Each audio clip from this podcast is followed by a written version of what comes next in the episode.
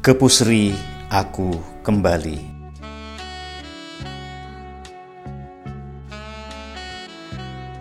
Sudah 33 tahun Wardiasa berkarya di industri kimia.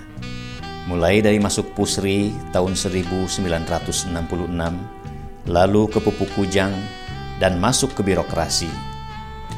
Di masa tua, kiprahnya tidak berakhir ia dipercaya menjadi presiden komisaris di Kaltim Metanol Industri. Pagi ini ia sudah berada di ruang tunggu Menteri Negara BUMN. Menteri Tantri Abeng mengajak bertemu. Setelah ngobrol ngalor ngidul, Abeng yang sebelum menjadi menteri malang melintang di perusahaan multinasional berbicara tentang masa depan Pusri. Pak Tantri Abeng bilang, Pusri harus jadi world class company, kata Wardiasa.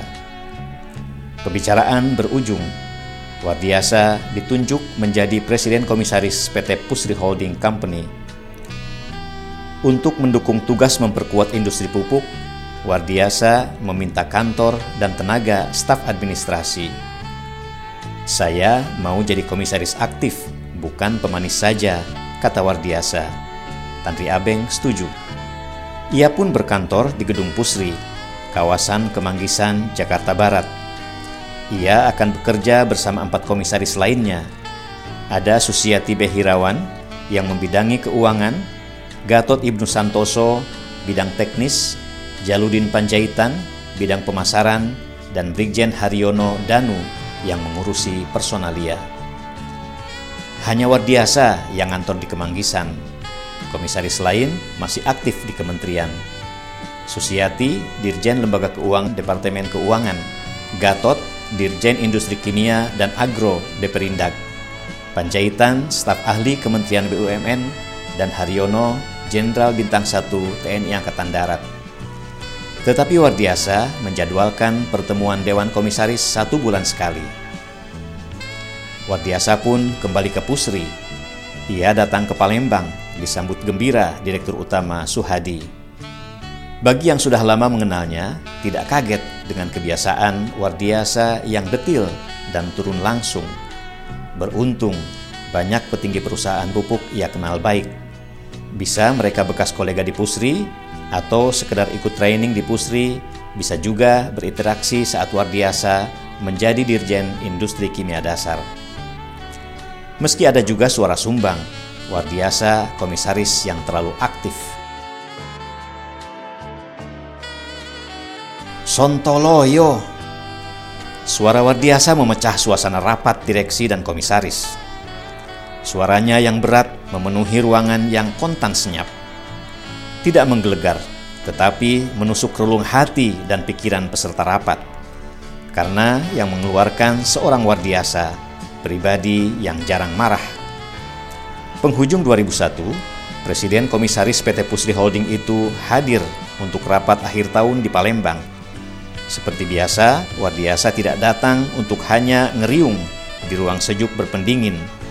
Ia selalu berkeliling pabrik sebelum rapat, bertemu banyak orang dari segala level dan berbincang banyak hal. Seperti pagi itu, sebelum mulai rapat, ia jalan kaki keliling pabrik seperti biasanya. Salah satu agenda rapat hari itu memutuskan pembelian alat granulation.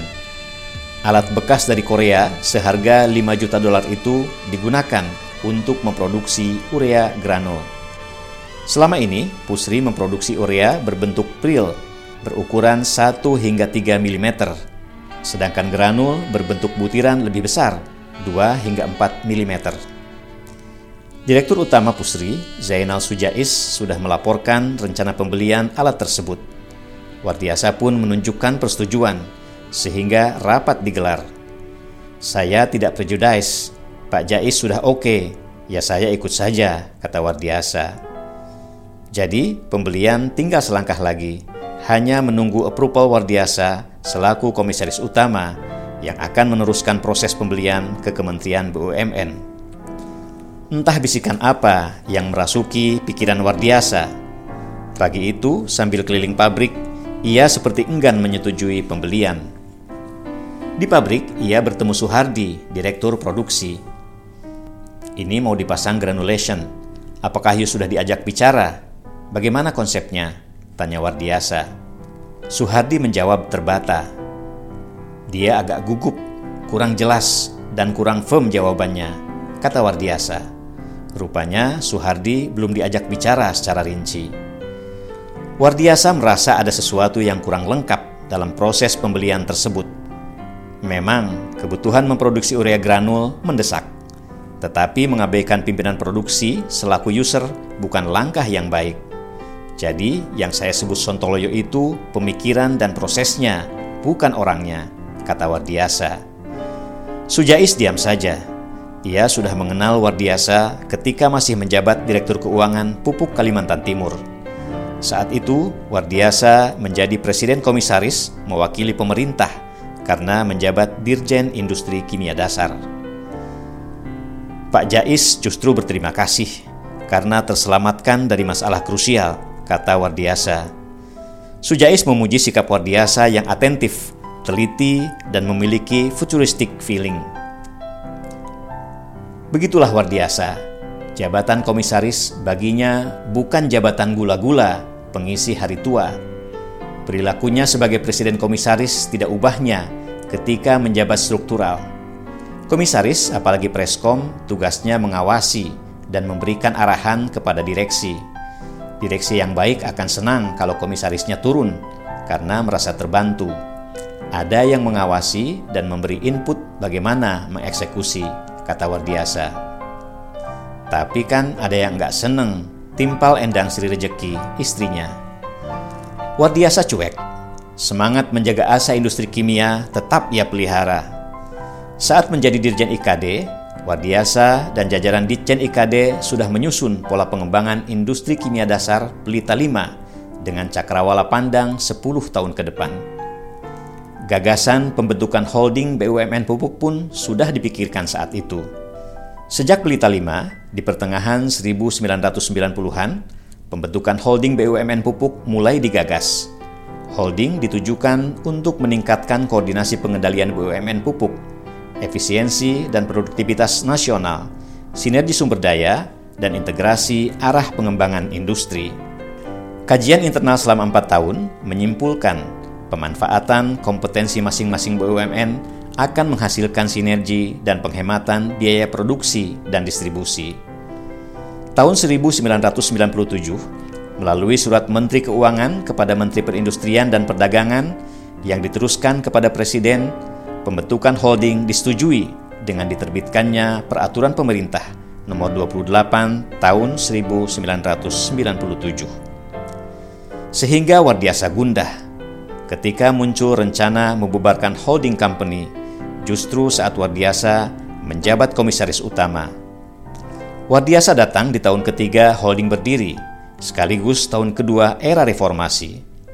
Konsultan kementerian beralasan holding mengganggu otonomi masing-masing pabrik pupuk. Belum lagi amanat IMF dalam letter of intent yang secara tidak langsung mendorong program privatisasi yang bisa berimplikasi pada spin-off Padahal, menurut Wardiasa, justru sebaliknya. Pembubaran bisa merugikan industri pupuk karena mereka saling bersaing, saling mematikan. Itulah buah dari euforia reformasi. Dimensi politik berdampak pada keinginan daerah lepas dari induk. Wacana spin-off bergema dari Palembang hingga Bontang, dari manajemen puncak hingga level operasional. Padahal Pusri sudah membuktikan tugasnya sebagai penanggung jawab pengadaan dan penyaluran pupuk bersama pabrik-pabrik lainnya. Sukses mewujudkan swasembada pangan yang diakui FAO, salah satu organisasi di bawah naungan PBB tahun 1984. Wardiasa mati-matian bertahan. Pak Wardiasa berkepentingan menjaga perusahaan yang dalam sejarahnya pernah memberikan kontribusi besar bagi Indonesia untuk mewujudkan swasembada pangan, kata Rahmat Waluyanto, anggota Komite Audit Pusri. Komite Audit dibentuk di zaman Wardiasa sebagai presiden komisaris yang tugasnya membantu komisaris mengawasi direksi. Menurut Rahmat, Wardiasa berhasil meletakkan dasar-dasar yang baik dalam pembentukan holding pupuk dengan tetap mempertahankan legasi dan historis perusahaan, menghindari potensi gejolak sosial terkait masalah ketenaga kerjaan dan penegakan good corporate governance. Akhirnya, meski didera tekanan politik, berkat komunikasi kepada manajemen dan kementerian, pembubaran holding tidak terjadi semasa lima tahun Wardiasa menjadi presiden komisaris. Saya beruntung karena petinggi-petinggi di perusahaan pupuk anggota holding saya kenal dengan baik, kata Wardiasa. Wardiasa punya strategi menjaga komunikasi dengan anak perusahaan. Sebagai induk, Pusri memiliki anak-anak perusahaan PT Petrokimia Gresik, Pupuk Kujang, Pupuk Kalimantan Timur, Pupuk Iskandar Muda, dan PT Rekayasa Industri. Setahun kemudian bergabung pula PT Mega Eltra. Setiap enam bulan, ia mengadakan sarasehan dengan mengundang seluruh direksi dan komisaris. Tempatnya muter ke pabrik-pabrik secara bergantian, dari Aceh, Palembang, Cikampek, Gresik, hingga Bontang, kata Wardiasa. Di situlah ia berhubungan baik dengan Sofyan Jalil, Presiden Komisaris Pupuk Iskandar Muda. Evaluasi kinerja masing-masing perusahaan berlangsung secara transparan. Sebagai operating holding, Pusri memang bertahan, tetapi dampak reformasi pula yang membuat Pusri menghadapi hal berbeda. Banyak kemudahan yang hilang. Dulu, karena pupuk menjadi komoditas strategis, gas disubsidi dan produksi dikontrol pemerintah. Zaman Pak Harto, harga gas untuk kebutuhan industri pupuk ditentukan pemerintah. Sedangkan di era reformasi dibanderol di harga keekonomian. Lebih menarik mengimpor karena harga gas dunia lebih menggiurkan, kata Wardiasa. Peran Pusri sebagai distributor tunggal juga dipangkas. Keputusan memperindak nomor 70 tahun 2003 mengatur pengadaan dan penyaluran pupuk menggunakan sistem rayon. Gudang-gudang Pusri di Jawa tidak berfungsi. Pasokan untuk Jawa Barat dipenuhi pupuk kujang. Indonesia Timur mengambil dari pupuk Kaltim dan Jawa Timur diisi dari petrokimia Gresik. Pusri hanya eksis di Sumatera, DKI Jaya, Banten, Daerah Istimewa Yogyakarta, Jawa Tengah, dan Kalimantan Barat. Kekhawatiran Wardiasa, rayonisasi akan menimbulkan efek negatif terbukti. Jika musim tanam tiba, persediaan tidak cukup, maka petani dan pengecer resah, harga pun melonjak, kata Wardiasa. Belum lagi perubahan pola distribusi dari sistem satu tangan hingga ke jaringan pemasaran, memunculkan distributor nakal karena pengawasan kendor. Juli 2004, Bakti Wardiasa di Pusri purna sudah. Lepas dari Pusri, tenaga dan pikiran Wardiasa masih dibutuhkan. Ia melanjutkan tugas sebagai komisaris PT Mitsubishi Chemical Jabatan itu ia rangkap bersama Komisaris Utama Pusri, Pak Abu Rizal Bakri yang minta dan diizinkan Menteri BUMN Tanri Abeng, kata Wardiasa. Sebelum dibeli Mitsubishi, perusahaan itu bernama Bakri Kase Chemical. Pak War, bantu saya di situ. Siapa tahu suatu saat saya akan balik lagi ke industri kimia. Kata Wardiasa menirukan Abu Rizal Bakri. Wardiasa juga menjadi Presiden Komisaris di Kaltim Metanol Industri dan Komisaris di PT Mitsubishi Pet Film dan PT Mitsubishi Chemical Indonesia. Itu semua karena dedikasinya yang tinggi pada industri kimia. Tugas-tugas itu membuatnya tidak kehilangan pantauan terhadap Pusri. Lama setelah ia meninggalkan Pusri, ia tetap mendengar upaya spin-off tidak kunjung terwujud tetapi peran Pusri semakin dikecilkan. Akhir tahun 2010, PT Pusri Holding Company mendirikan PT Pupuk Sriwijaya Palembang atau PSP yang menjadi anak perusahaan seperti Kujang, Pupuk Kaltim, dan Petrokimia. Pada tahun 2012, PT Pusri Holding berganti nama menjadi PT Pupuk Indonesia Holding Company dengan peran utama sebagai Fokus Holding. Justru, cita-cita awal pendirian holding pupuk akhirnya bisa terwujud. Berdasarkan Permendag tahun 2013, pengadaan dan penyaluran pupuk bersubsidi untuk sektor pertanian diserahkan kembali kepada holding pupuk yang baru. Bahkan saat ini PIHC telah mampu mengembangkan usahanya dalam berbagai bidang terkait, selain anak-anak perusahaan yang telah ada sebelumnya. Diversifikasi usaha ini melalui beberapa anak perusahaan sebagai berikut: PT Pupuk Indonesia Energi, PT Pupuk Indonesia Logistik, dan PT Pupuk Indonesia Pangan. Saya sangat bersyukur PIHC dari hari ke hari makin kokoh. Saya berharap agar PIHC bisa tumbuh menjadi BUMN berkelas dunia serta mengembangkan usaha produksi petrokimia terintegrasi, manufaktur peralatan pabrik, plant service, dan jasa-jasa lainnya, di samping anak-anak perusahaan yang sudah ada, kata Wardiasa.